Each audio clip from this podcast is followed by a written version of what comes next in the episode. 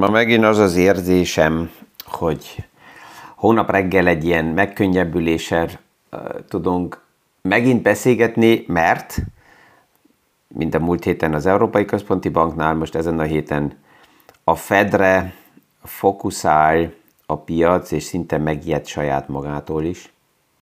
Mi is aktuális pénzpiaci témákról, összefüggésekről beszélgetünk. Gazdaságról érthetően János Zsoltal. Üdvözlünk mindenkit a mai PFS Kávézac podcaston.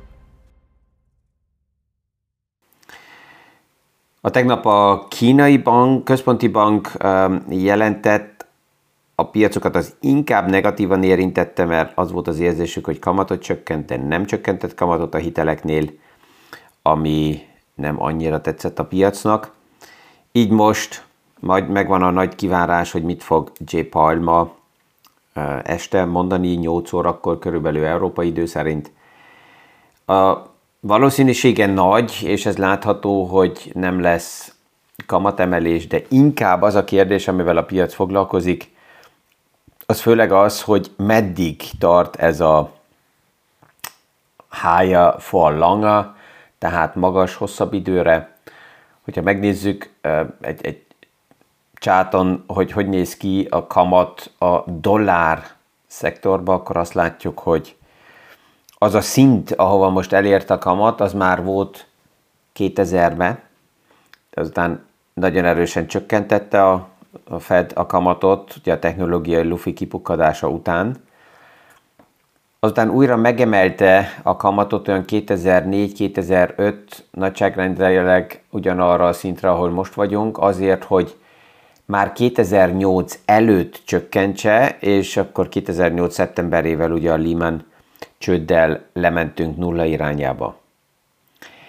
És innen kezdődött valójában a nulla kamatszint, 2014-15-től próbálta a Fed a kamatot újra emelni, fel is tudott menni olyan kb. 2,5 szinte 3% ig de azután újra kellett csökkentsen, mert gazdaságból problémákat lehetett látni, és arra jött azután a pandémia, megint visszamentünk nulla szintre, azért, hogy most nagyon magasan újra felmenjünk. És itt a kérdés ugye az, hogy, hogy meddig fog ez tartani, mert hogyha a statisztikákban is nagyon messze visszamegyünk, akkor az látható, hogy nagyon erős kamat emelések az elmúlt évtizedekben, évszázadban többször voltak, de ezek nem voltak soha nagyon sok, hosszú ideig magasan.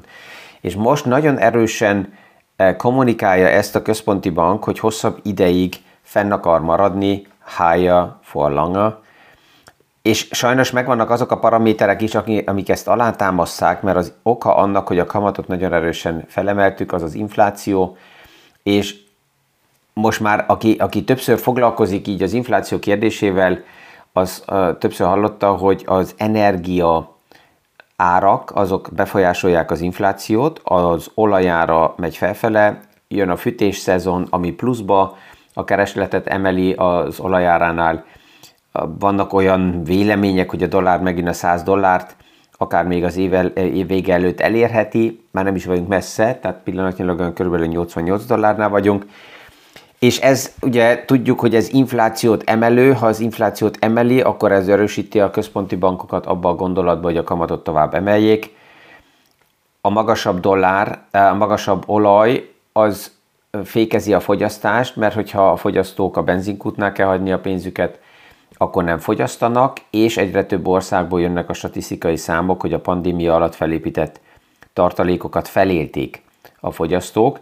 Tehát megvan ez a bizonytalanság, amit a piac ugye itt lát, és, és egy kérdés azért van, mert az, amit látunk, hogy, hogy a piac így, így eh, fél attól, hogy a kamatok mégis hosszabb ideig magasan maradnak, ez letükrözi ugyanazt a lelki állapotot, amit nagyon sok embernél is látok, és erre vagyok kíváncsi, hogy mikor indulnak nagyobb számba, mert egy páran már elindultak. Tehát ezt lehet látni, hogy van egy pár józan, uh, józanon gondolkozó vezető, vállalattulajdonos, aki nem remél már, hogy a kamatok vissza fognak menni, hanem a magas kamat szinttel foglalkozik. Tehát felteszi magának azt a kérdést, hogy oké, okay, az üzleti modellünket milyen formába kell adaptálni, változtatni, kell egyáltalán, hogyha a kamat szint ezen a szinten van, ahol most vagyunk.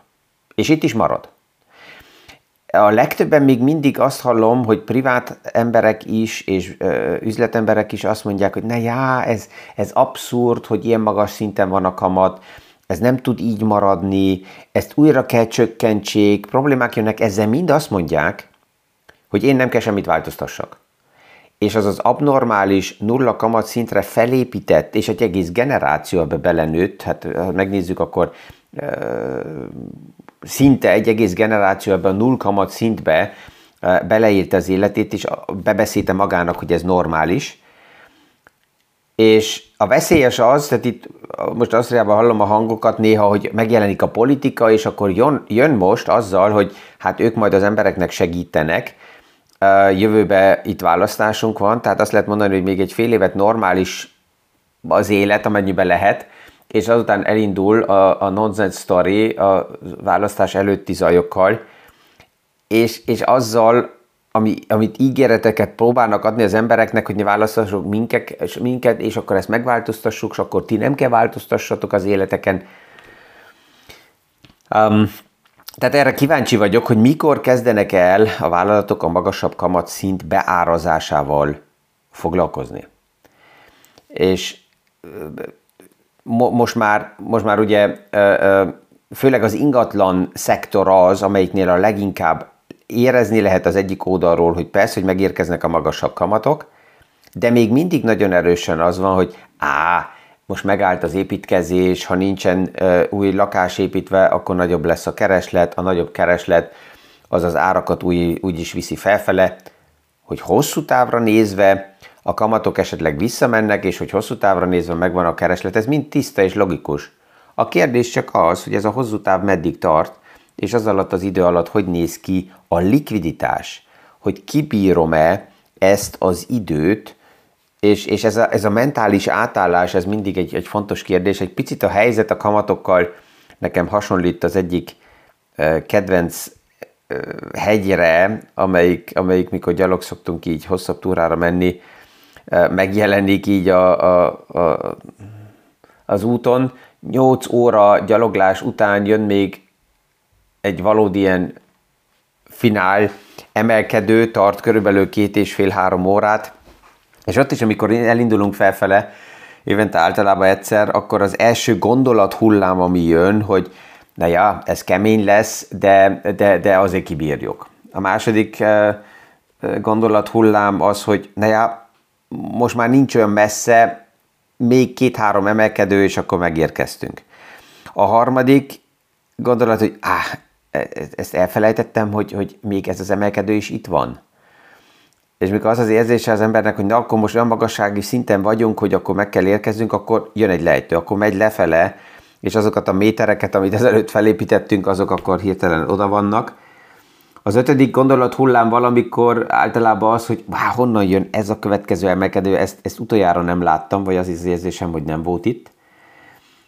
Uh, és ez így megy gondolat hullámokba, ugye miközben megyünk felfele tovább, aztán valamikor általában mindig érzem magamnál, hogy így, így kikapcsolódnak a gondolatok, és akkor azt mondom magamnak, hogy oké, okay, teljesen mindegy, hogy mikor fogok megérkezni, én visszaveszem a tempót, és egy olyan tempóba megyek most, amit akár kibírok még órák hosszat is, e, tehát alkalmazkodok. És a legtöbb embernek, aki úgy, úgy a túrára szokott velünk jönni, e, és itt az utolsó részben mindig kérdezik, hogy mikor érkezünk meg, mikor vagyunk fenn, akkor azt szoktam mondani, hogy akkor, mikor azok a gondolataid megérkeztek, hogy neked mindegy, hogy mikor érkezünk, mert, mert feladtad, hogy reméljed, hogy valami, valami, valamikor végre megérez, megérkezzünk, akkor közel vagyunk ahhoz, hogy lassan megérkezünk. E, és ugyanez van így az átállásban a kamatokkal is, nagyon sokan még mindig, mondom, tehát ebbe a reménybe vannak, hogy át, majd majd csökkennek, és ezt nem lehet így hosszú ideig tartani, de még nem kezdtek el át, át kalibrálni saját magukat a magasabb kamatokra, és ezzel kellett volna az első pillanatban is már foglalkozni, hogy a magasabb kamatú szinten meg tudom-e engedni magamnak azt a finanszírozást, amit esetleg elindítottam. És akkor nagyon sokan kimondják, hogy hát e, valójában nem. Most, most ugye szeptember alapjában nagyon sokszor egy, egy jó alap arra is, hogy ezeken a szinteken az utolsó negyed év, vagy a következő évnek az első negyed év részére meg lehet alapozni azt, hogy, hogy akár rövid árfolyam emelkedésekkel is nyereségeket előkészíteni. Hozzá kell mondjam, hogy ez nem, nem felhívás arra, hogy most rövid időre valaki spekuláljon, nem. Egy egészen más sztorit akarok kézbe venni, ami most a tegnapi podcast után megint mint visszakérdezés jött, hogy mit szólok a turnaround sztorikhoz. Tehát azokhoz a sztorikhoz, ami ilyen forduló sztorik, és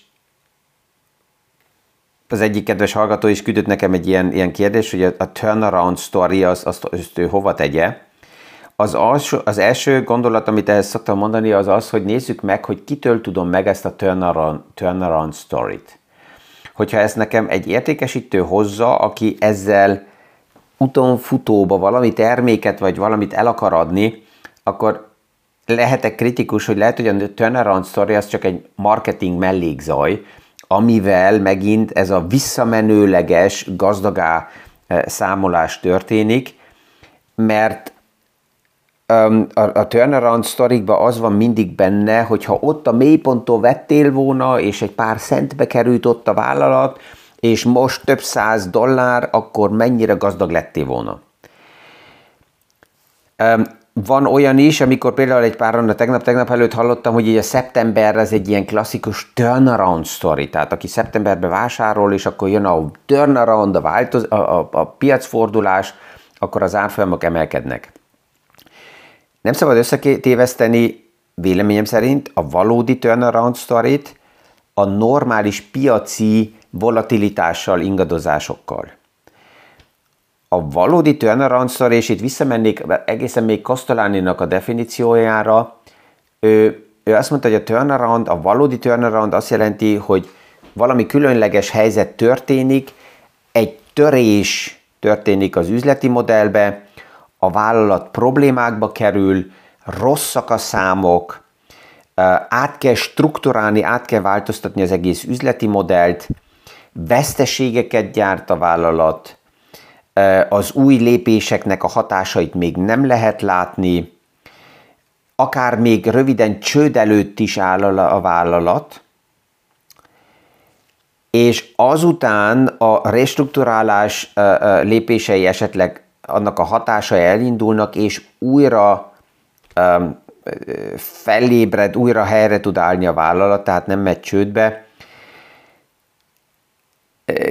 Koszolani mondta többször, hogy, hogy akinek ideje van, és aki nagyon-nagyon közel van a piacokhoz, az esetleg meg tudja ezt nézni, hogy az, aki már haldokló státuszban van, azok közül ki fog mégis újra felállni és ja, üzletileg sikeres lenni. Tehát ez a valódi turnaround story. Az, hogy normális piaci nyomás miatt volatilitás van a piacban, és árfolyamok visszacsökkennek, de nem változott meg semmi a bizniszmodellbe, nincsen csődveszély, nincsen uh, uh, strukturális probléma, csak normális uh, kilengés a piacba, az nem turnaround. Ha azt keressük, hogy mi lenne a turnaround story, akkor lehet, hogy Apple-nek a sztoria egy ilyen valódi turnaround story, és ezt ezért sokszor is lehet hallani és olvasni, hogy képzeld el, hogyha akkor megvetted volna, akkor mi lenne. Valójában Apple-nek a sztoria az, az ez volt, hogy megvolt a siker, azután problémába került Apple, Steve Jobsot elbocsájtották, kirúgták, elvesztett mindent, visszajött, és az, ahogy visszajött, az még nem, nem lett minden jó, hanem küzdött tovább a likviditási problémával. Ha megnézzük, historikusan itt belenéztem, az Apple-nek az árfolyama 1997-ben, mai szemszögből visszafele nézve, ugye több a részvény felosztás után is, hogyha visszaszámolunk, akkor nagyságrendileg körülbelül 11 cent, tehát 0, 11 dollár cent volt az árfolyama, aktuálisan, miközben itt mi beszélgetünk, az aktuális árfolyam ilyen körülbelül 179-nél van. Tehát persze, hogy egy ilyen sztorit véve visszamenőleg az embereket gazdagra uh, számolni nagyon egyszerű, és könnyes szemekkel nézni, hogy hú, akkor mi lett volna, A döntő csak az, hogy olyant veszek komolyan, aki 1997-ben ott is volt. Már a piacba volt, és a legtöbben, akit ismerek, azok nem voltak benne Apple-nek ebbe a turnaround sztoriába. Inkluzív. Én sem. Ha megnézzük, akkor több mint tíz évet tartott ez a haldoklási harc, hogy akkor most mi lesz, hova billen esetleg Apple. Emlékszünk 2000 körül a bankok nem finanszírozták Apple tovább. Bill Gates így ilyen baráti kedvességből adott valamennyi, akár az ő szemszögéből leírható összeget Steve Jobsnak, mert bankok tehát nem, nem finanszírozták, és a legtöbben nem voltak benne ebbe a turnaround sztoriba. Időközben persze, hogy voltak kereskedések. Volt olyan, aki megvette egy dollárnál az Apple részvényt, és kettőnél eladta, mert azt mondta, hogy bú, nem akarok kabzsi lenni. És ez egy jó nyereség. Vagy lehet, hogy eladta, vettél háromnál, és eladta négynél, mert azt mondta, bú, ez elég. Azért, hogy majd később kívülről csodálkozzon és dörzsölje a szemét, hogy á, ne, nem voltam ebbe a témába benne. Emlékszem, hogy 2004 vagy 5-ben Bahamas egyik szigetén találkoztam egy olyan hölgyel, aki az Apple-nél dolgozott, és annak idején ő sopánkodva elmondta, hogy képzeljem el, hogy milyen rossz a fizetési modelle Apple-nek, mert a fizetést nem kapják teljesen meg, hanem valami opciókat is, bonifikációkat kapnak részvényekre, de ő abból nem tud vajas, vajat és kenyeret venni, tehát neki jobb lenne a dollár, mint hogy ilyen részvényt kap. Tehát nagyon sokan, akik ott dolgoztak, azok sem vették volna meg a részvényt, hanem bonifikációkon keresztül ezt megkapták, és mivel nem tudták azonnal eladni, mert ezek mögött általában ilyen 3-4 éves lock-up periódi van, lezárás, ezért ja, ültek rajta, és sokan lehet, hogy mikor ez a, az idő lejárt, akkor ebből el is adták, és nem is tartották meg. Tehát ez, egy, ez egy, csak egy példa, és rengeteg ilyen példát hoznak sokan, hogy na mit szólok ehhez a turnaround storyhoz, vagy ahhoz a turnaround storyhoz, és mikor megnézem, akkor azt mondom, hogy ez nem turnaround story. Ez egy normális piaci volatilitás, a piacnak a kilengései bármilyen okokból az árfolyamok nyomás alatt vannak, de ne beszéljünk turnaround storyról, mert ez nem az. De marketing oldaláról ezt nagyon sokszor felhasználják, és ezért mint, mint, mint befektető, ez, ezért kell ezt távolról nézni, és azt mondani, oké, okay, ki, is, ki is mondta nekem ezt a sztorit? Miért hívta fel a figyelmemet? Mit akar ezzel nekem eladni? Oké. Okay. És akkor már értem, hogy milyen a konstelláció, és egészen más szemszögből uh, tudom ezt látni. Még van egy pár példa, de ezeket most nem építem be, mert, mert, mert ez lényegtelen. A, a, a döntő inkább ez, hogy ilyen kifejezéseket próbáljuk helyre tenni, és lássuk, hogy mi az, ami, ami, ami lényeges, mire figyeljünk, és milyen marketing függönyeket érdemes félrehúzni. Um, hogy a sztrájkok hogy mennek tovább, ez még tovább is érdekes. Az érdekes az, hogy a piac erre nem nagyon reagál pillanatnyilag még, de megint csütörtök estig van a lehetőség, az autó eh, már közelednek. A múlt héten itt ugye beszélgettünk, hogy Ford, Stellantis és GM nagyságrendileg olyan 9-10 eh, százalékos béremelést ajánlottak fel. Most már fenn vagyunk 21 százaléknál. A UAW, a, a szakszervezet nagyon kemény tovább, és azt mondja, hogy nem érdekli őt 40 alatt semmi. Egy kicsit emlékeztet ez az egész helyzet, a hétvégén megnéztem a Lamborghini uh, filmet, és, és uh, Ferruccio, a Lamborghini azért kellett feladja a vállalatot, mert a 70-es években két problémával találkozott. Az egyik, az energiaárak mentek felfele, és a második a nagyon erős szakszervezetek, amelyikek sztrájkoltak a magas infláció miatt. Tehát ez egy ilyen érdekes időutazás, mert, mert hasonló paraméterek vannak, és Ford már bejelentette, hogyha annak a követelésnek kellene eleget tenni, amit a UVW uh, vár, UAW vár tőlük, akkor ez azt jelenteni, hogy akár uh, csőd problémával küzdene a Ford. Pff, tehát ezt, ezt még érdemes így, így figyelni, hogy mi lesz, és ugye ez a két téma foglalkoztatja a piacokat, itt Európában nem, de Hollywood is sztrájkol, Paramount Pictures már rég, és most az, az autóiparákból jönnek ezek a jelek. Én azt is értem, hogy a szakszervezetek kapaszkodnak erre a szalmaszálba, mert a létjogosultságok kérdése nagyon-nagyon csökkent az elmúlt években és évtizedekben, ezért most érzik hátulról a szelet, és nyomás alá hozzák a gazdasági paramétereket. A kérdés mindig az, hogy azt a tehenet, amelyiket nap mint nap fejni szeretném, hogy a csiporban legyen tej, azt mennyire érdemes a vágópadra vezetni. De hát ez egy más logika. Ezzel ma is kellemes napot kívánok mindenkinek.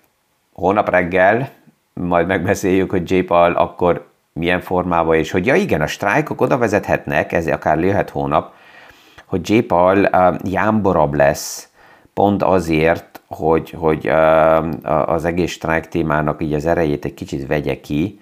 Erre kíváncsi vagyok, hogy ennek, ennek lesz-e hatása a mai sajtókonferencián. Also, kellemes napot mindenkinek, és a visszahallásra a hónap reggeli PFS Kávézat podcastig.